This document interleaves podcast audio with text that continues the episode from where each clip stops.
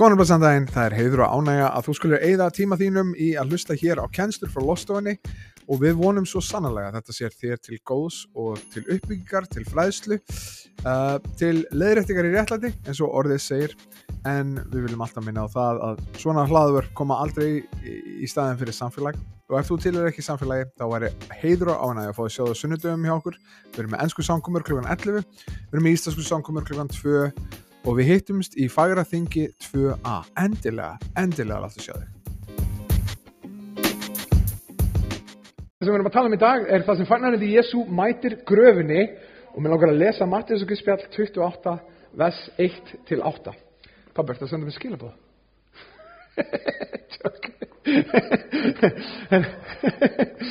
Herru, eh, eftir kvíldadaginn segir hér undir dögun fyrsta dags vikunar þá fóru Marja Magdalena og hinn Marja til að skoða gröfina. Væri þau ekki til í að vera skil, hérna, bara hinn Marja einhver, einhver hinn Marja og sjá, það var mikill jarðskjaldi því að engil drottins steig niður af himni og kom.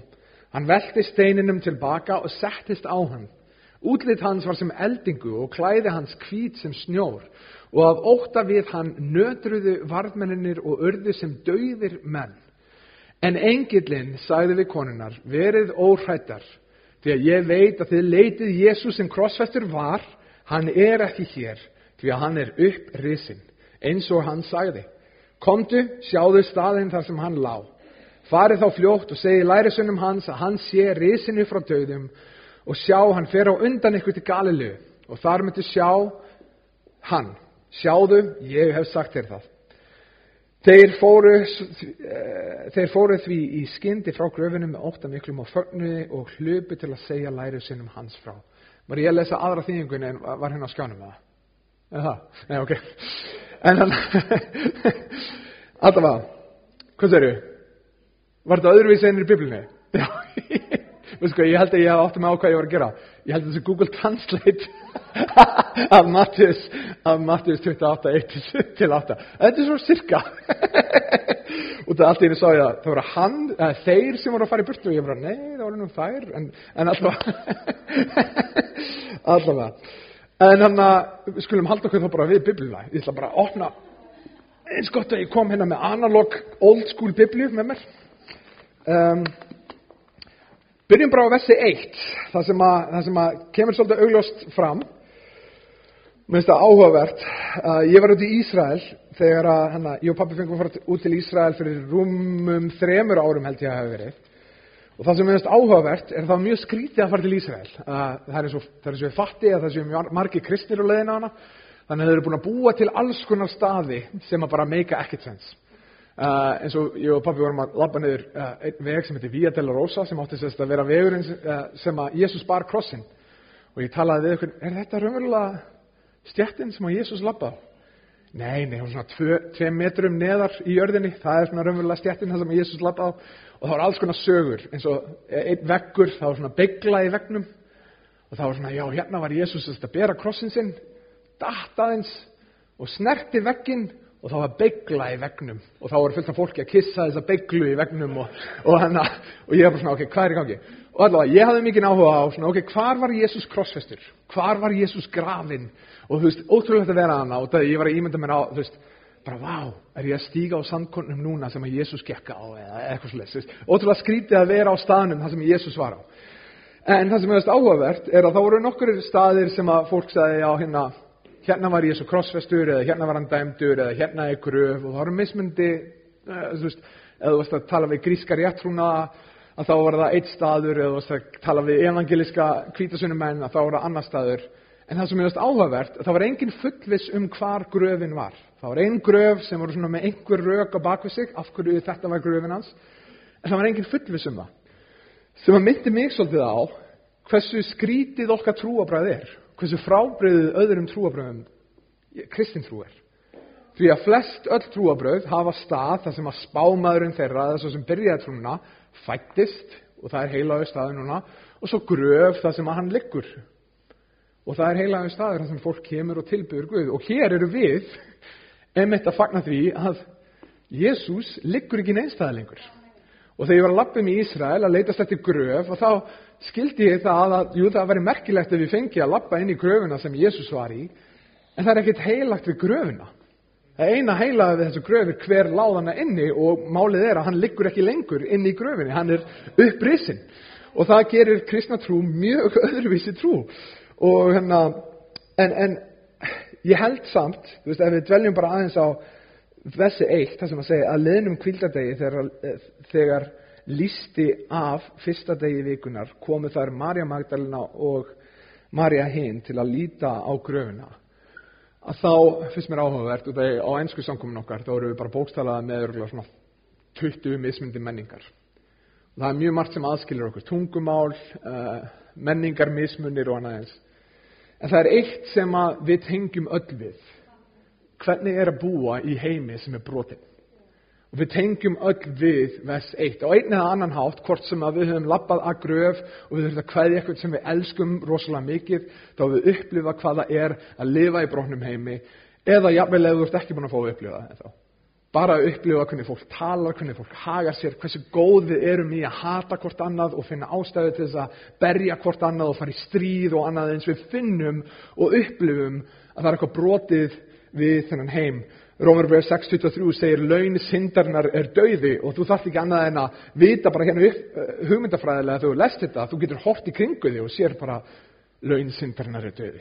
Ég upplöðu hinna með mér, ég upplöðu fyrir utan mig, við sjáum öll hvað heimurinn er brotinn. Og það sem hefur svindið uh, er að hana, ég var að horfa á Netflix í vikunni og ég var að hugsa hvað er áhugavert að nánast allar Hollywood myndir enda á sama hátt. Það er svona eitthvað rosa konflikt búið í þessi stað, rosa miskilningur, ægi, hann skilur ekki hvað hún er að gangi í gegnum og hann skilur ekki hvað hún, eða, hún skilur ekki hvað hann er að gangi í gegnum og svo loksins náðu saman í endunum og þau gifta sig og svo svona endar myndin þar, kreditlistin kemur niður og þar endar sagan á hápunum. Þegar allt er bara geðut vel, þau fara bara yfir í, bara, lífið er bara hamingu samt að eilifu. En svo er ég að hugsa, en svo spólum aðeins áfram, ok, þau eru hápunum núna, og svo verður þau þrítug og byrja að vakna með svona bakverki. Bara, ah, hvað er í gangi?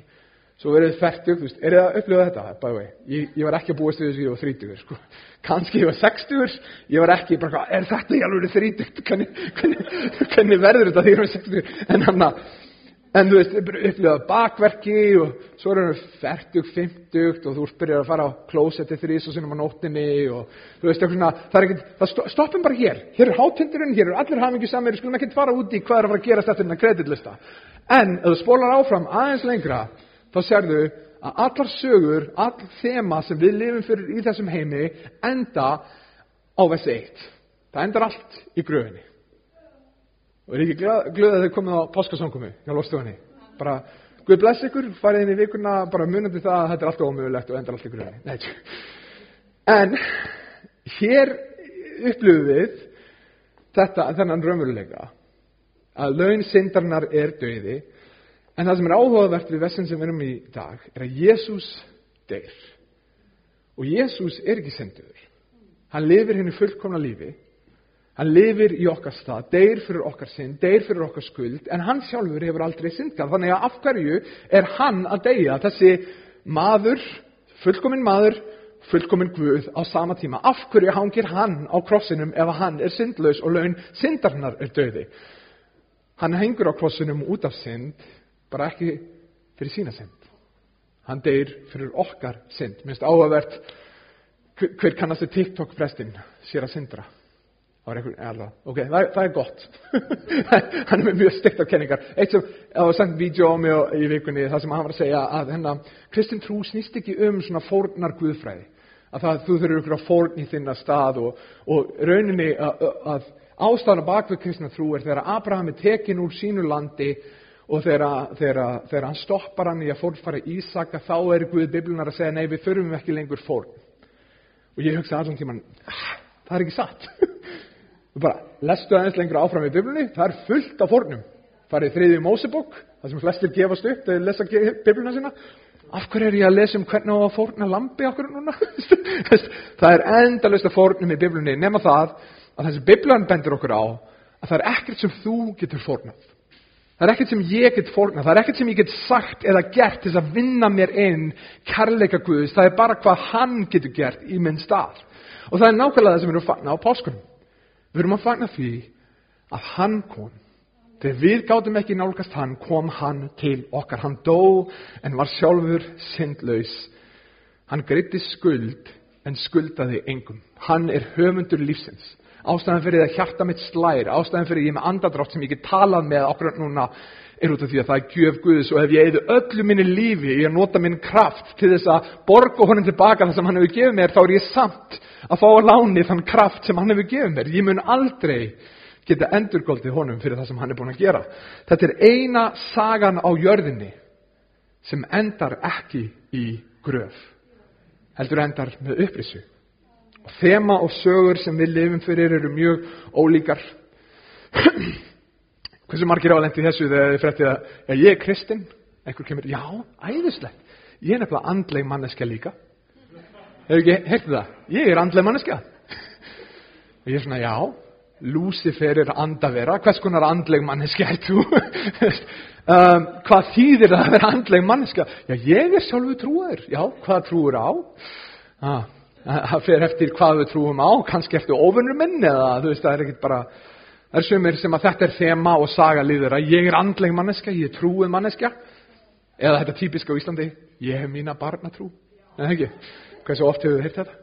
Já, æðislegt, þetta trúið ég hef mína barnatrú, hvað sem að það þýðir. Sumir lifa fyrir annað. Anna, völd fræð frama. Að hann að fyrir 20 árum, ef þú spurði krakka, hvað viltu vera? Þá er mjög oft svarað, ég vil læknir, kannski leikari, tónlistamæður, eitthvað svolítið. Þú sko, algengast að svara orðið í dag. Ha, youtuber. Áhrifavaldur. Það er að segja, ég vil ekki gera neitt, vera læknir, eða þú veist, eitthvað sem að gera eitthvað sem að, sem að vekur aðtegli. Ég vil bara fá aðteglina. Bara gefðum bara aðteglina fyrir að vera hérna í tölunum minni. Ég ætla bara að streyma mér, paldi, krakkanum mínir er að horfa á annað fólk spila tölvuleiki. Ég hristi bara hausinni þessu, þessi unga kynnslóð er bara alveg að missa það, sko. En hann að, sumir verða þetta, ég, ætla, ég vil vald, ég vil fræði, ég vil frama, aðri vilja að ég, vil ég vil bara vera góð manneskja. Bara þegar ég deg, þá vil ég að allir hugsi bara Gunni var rosalega næs, rosalega næs hann Gunni. Gott faðmlag, hann bara æðisluður. Sumir vilja hafa samfélagslega áhrif, pólitíska áhrif, hvað sem er. Og þetta hljómar til sjálfsög slæmt, en málið er ef, þú, ef þetta er þema lífsins, ef eitthvað af þessu er þema lífsins, ef þetta er virkilega sagan sem þú ætlar að lifa fyrir, hvað sem er pólitísk vald eða siðferðislega áhrif eða hvað sem það er, að þá er slæmifréttinu það er að þetta endar allt á sama stað sem er í gröfinni. Og enn og aftur, velkomin í Lostæðan. en, hana, en ef við förum í Mattius 17, og ég ætla ekki að treysta á þau sem ég leta upp á, upp á, hana, upp á skjáin, en Mattius í 17. kabla, og við erum eiginlega bara í Mattius og Guðspilli í dag, þannig að þetta er einfalt. 17, 13-14. 17. Já, já, það er ekkert, já, ég var mjög þreyttur þegar ég var að gera slætunar svona. 17, 13-14, þá segir Nei, það er sjö. Ég skrifaði vittlust hjá mér mér. Ég var greinlega bara í algjöru rygglið. Ég var bara vonandi kemur eitthvað guðlegt út úr þessari preytingu. Nei, er þetta. 13, 14, já, hér segir Jésús, gangið, þetta er 7, 13, 14 bæði, gangið inn um þrönga hliðið, því að vítt er hliðið og vegurinn breyður sem liggur til glötunar og margir þeir sem þar fara inn Hver þröngt er það hlið og mjór sá vegur er lyku til lífsins og fáir þeir sem finna hann. Er áhugavert þannig að Jésús er að segja við ykkur að lifa fyrir völd, að lifa fyrir fræð, frama.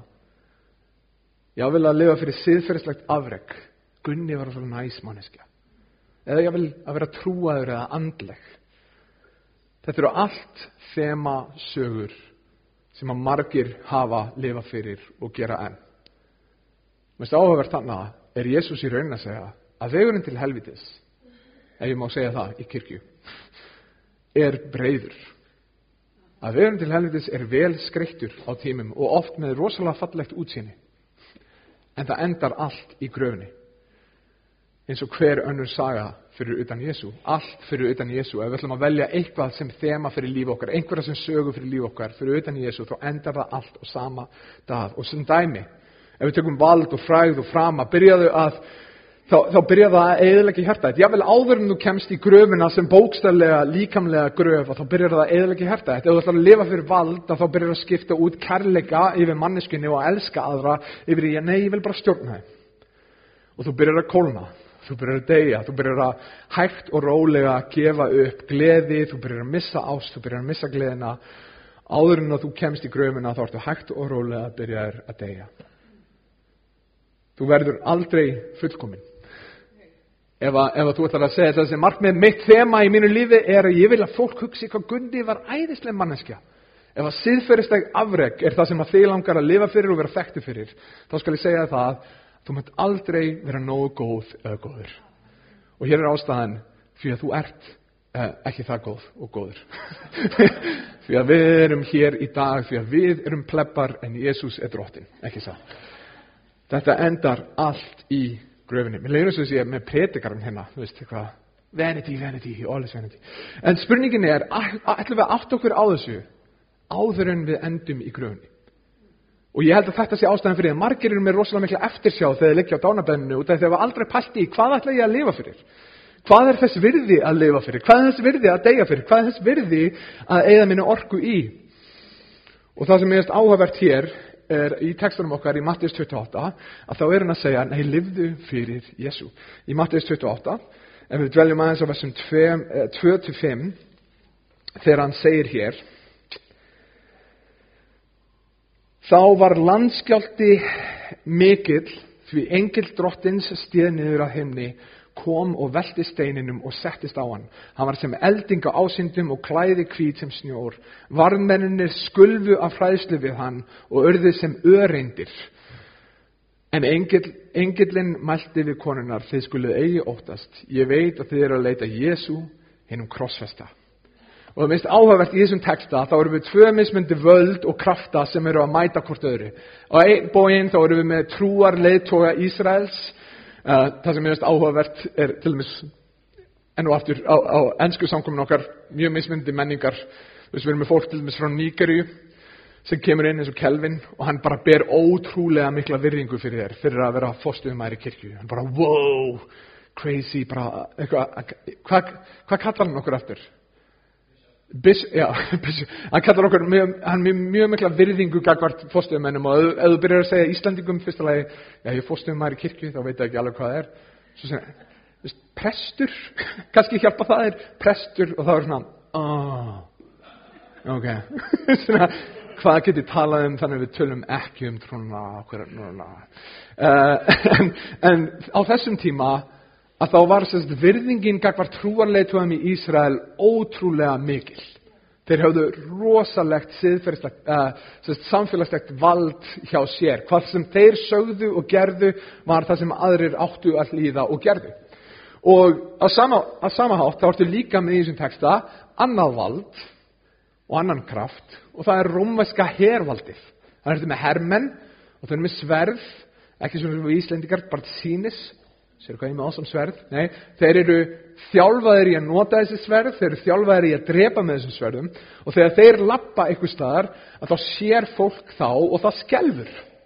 Og það sem er áhugavert þannig er að við erum með annað kraft, annan kraft og annað vald sem kemur inn í myndina sem er Guð.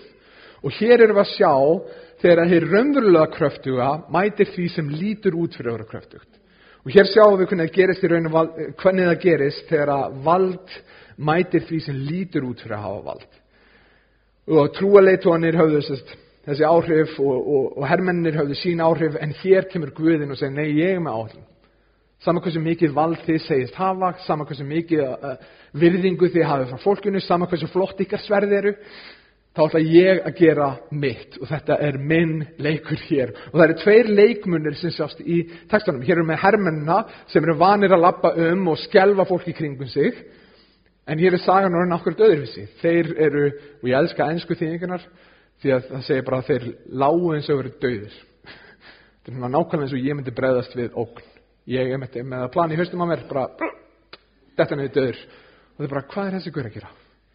Veit ekkert hvað ég gera. Þannig að þetta er mitt plan eða ætlar að lemja mig, bara, bara svo við en, en þannig er sérst, fólki sem er van, þeir eru vanið því að labbökstar inn og skjelfa fólk allt í hennu er það orðið fólki sem er að skjelfast yfir englunum og annan, annan hana, það sem við sjáum líka í textunum við sjáum steinin sem er yfir gröfinni og það er kaldanistlægt já, herru, hvernig getur við passað að þetta lík fari ekki hérna út þetta er svona eina plottið í mannkynnsögunni það sem er að passa lík fari ekki út uh, búin til stein.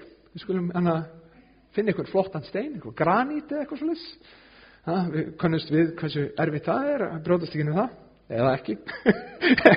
En hann að við skulum hanna þetta og, og leifa þeim að koma hér. En þannig er þetta með bæði völdin það er að segja hermennir og trúaleitóanir að reyna að stoppa það sem Guð er að reyna að gera.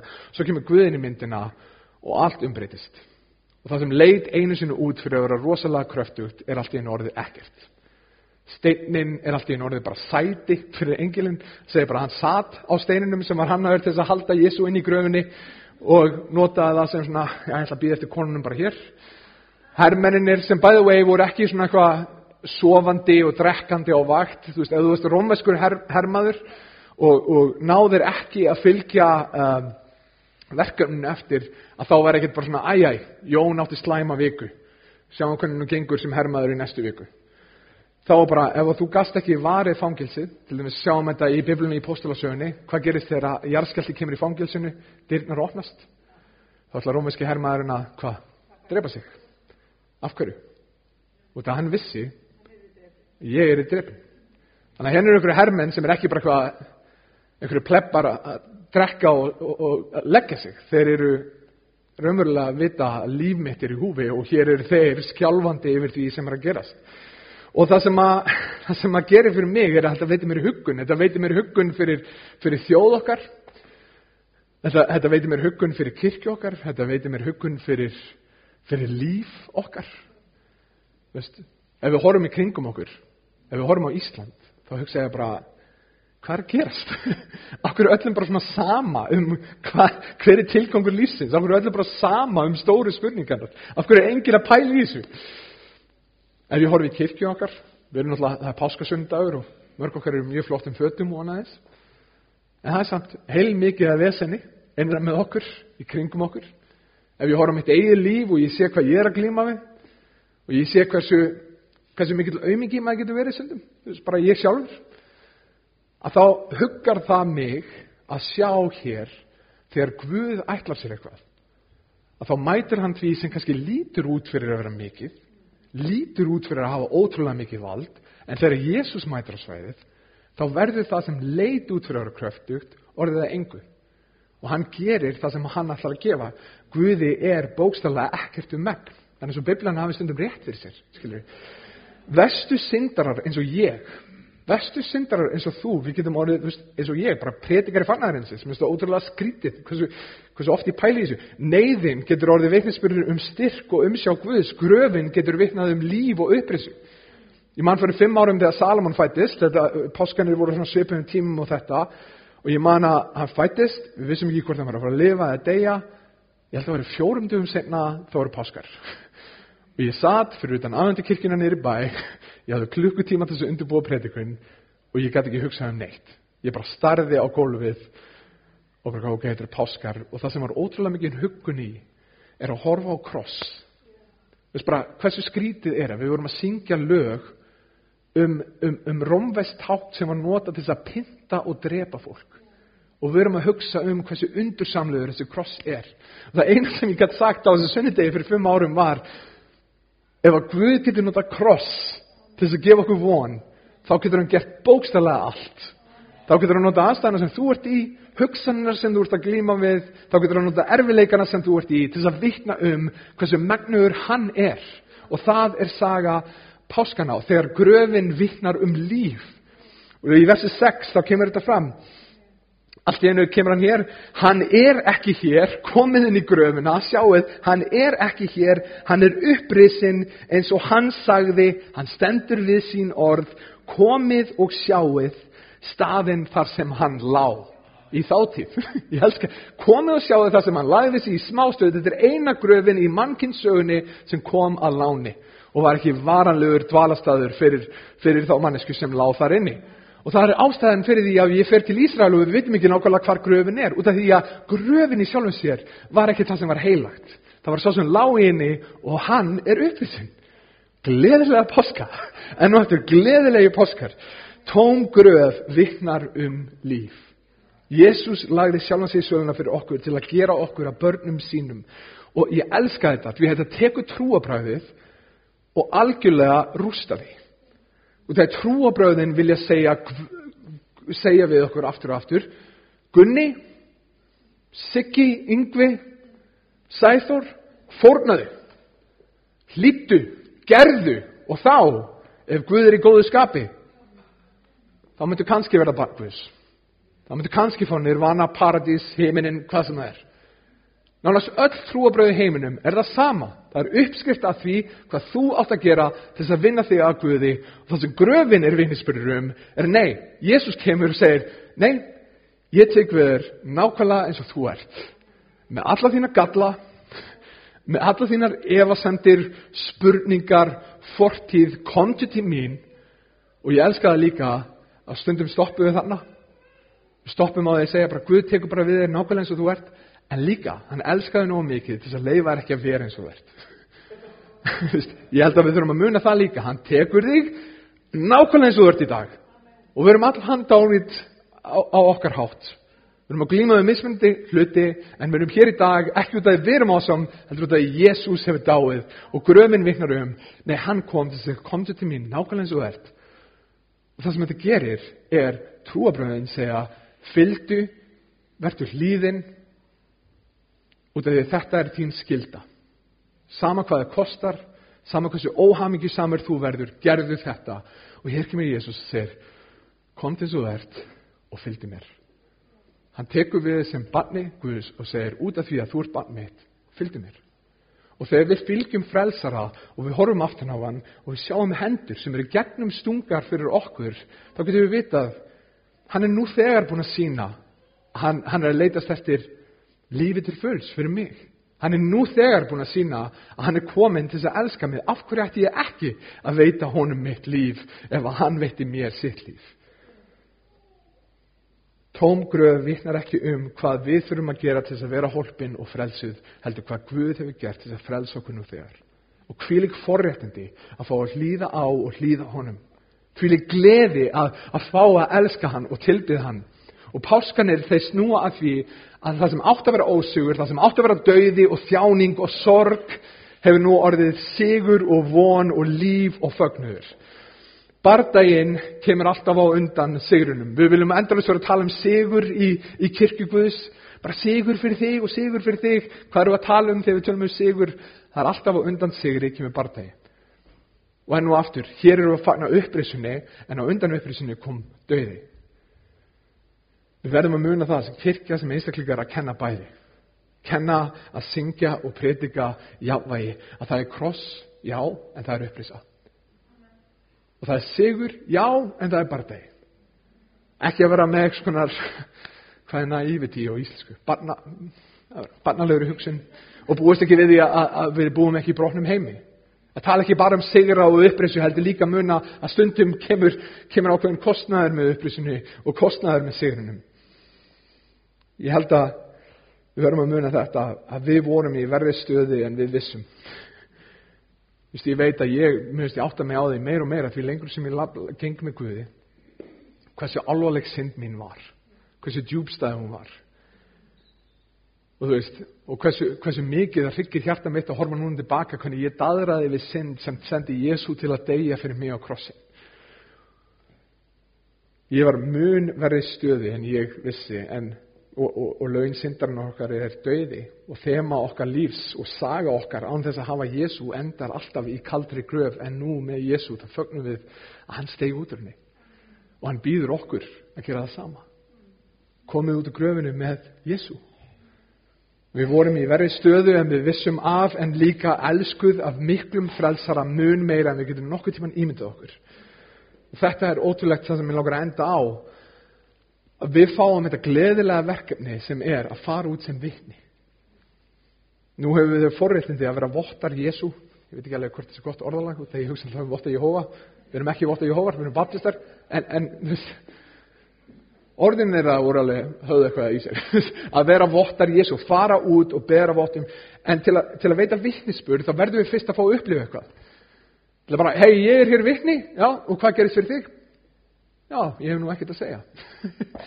við verðum að fá að upplifa eitthvað við verðum að bera vittnum eitthvað.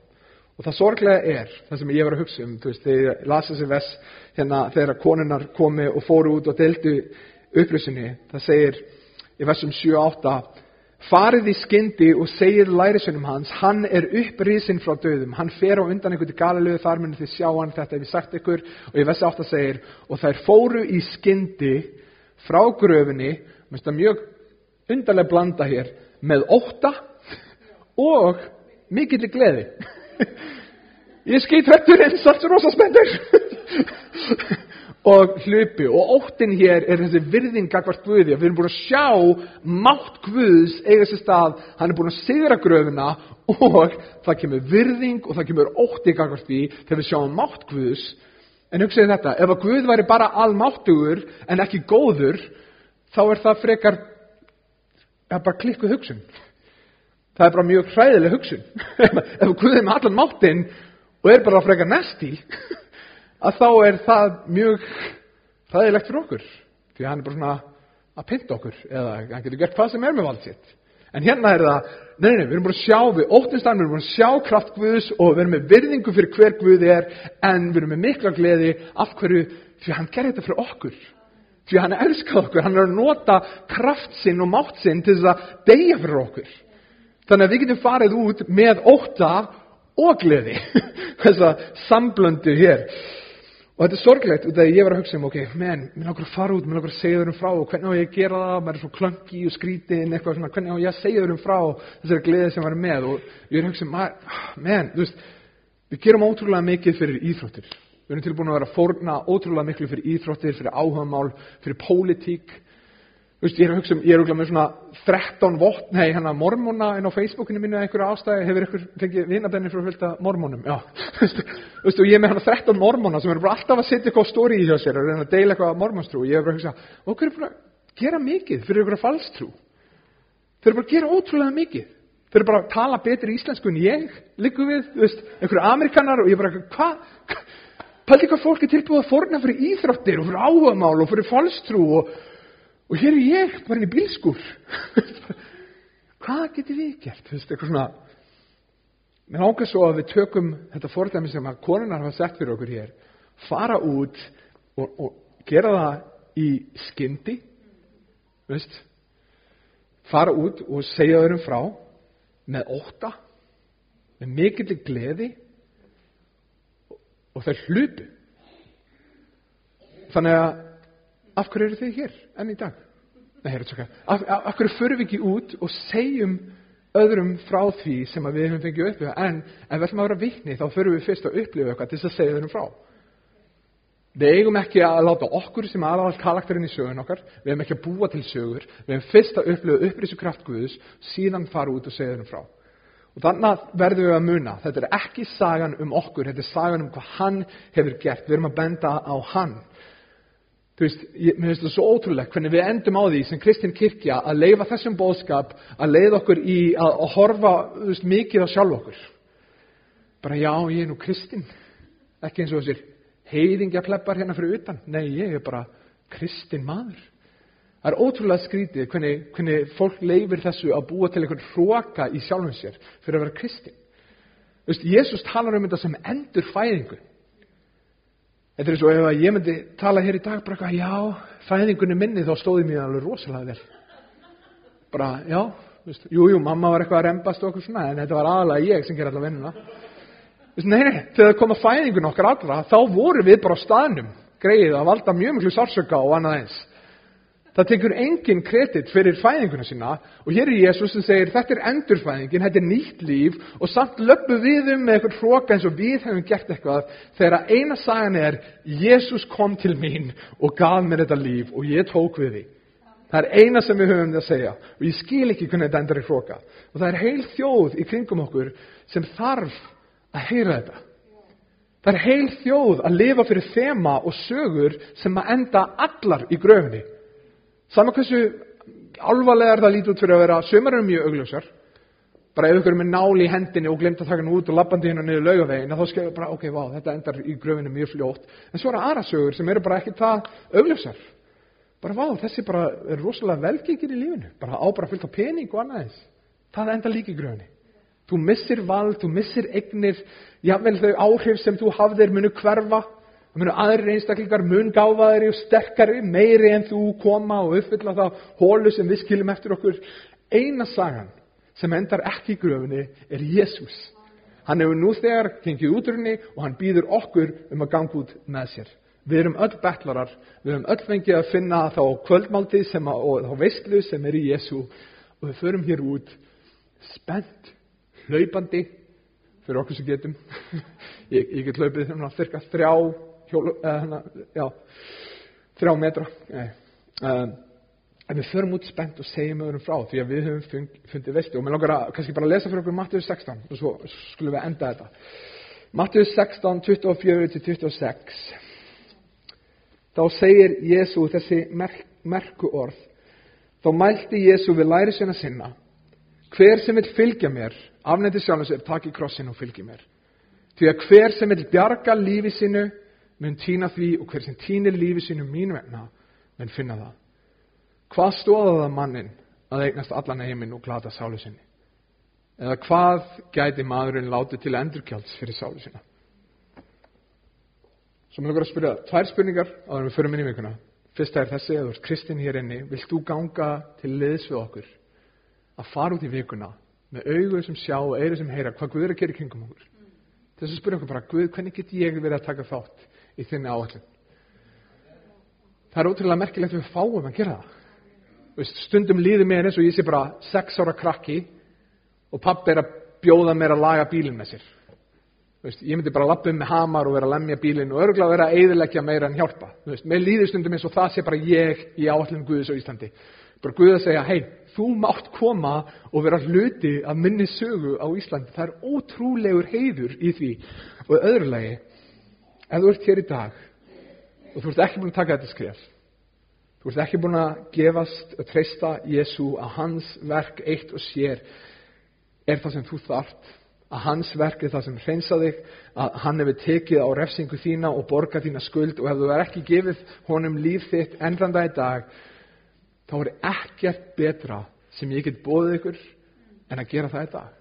Að segja hér áðurinn farið út, ég ætla að fylgja Jésu. Og hvernig getur þið vitað að hann elskar ykkur? Hans hendur eru gennumstungar fyrir okkar skuldir.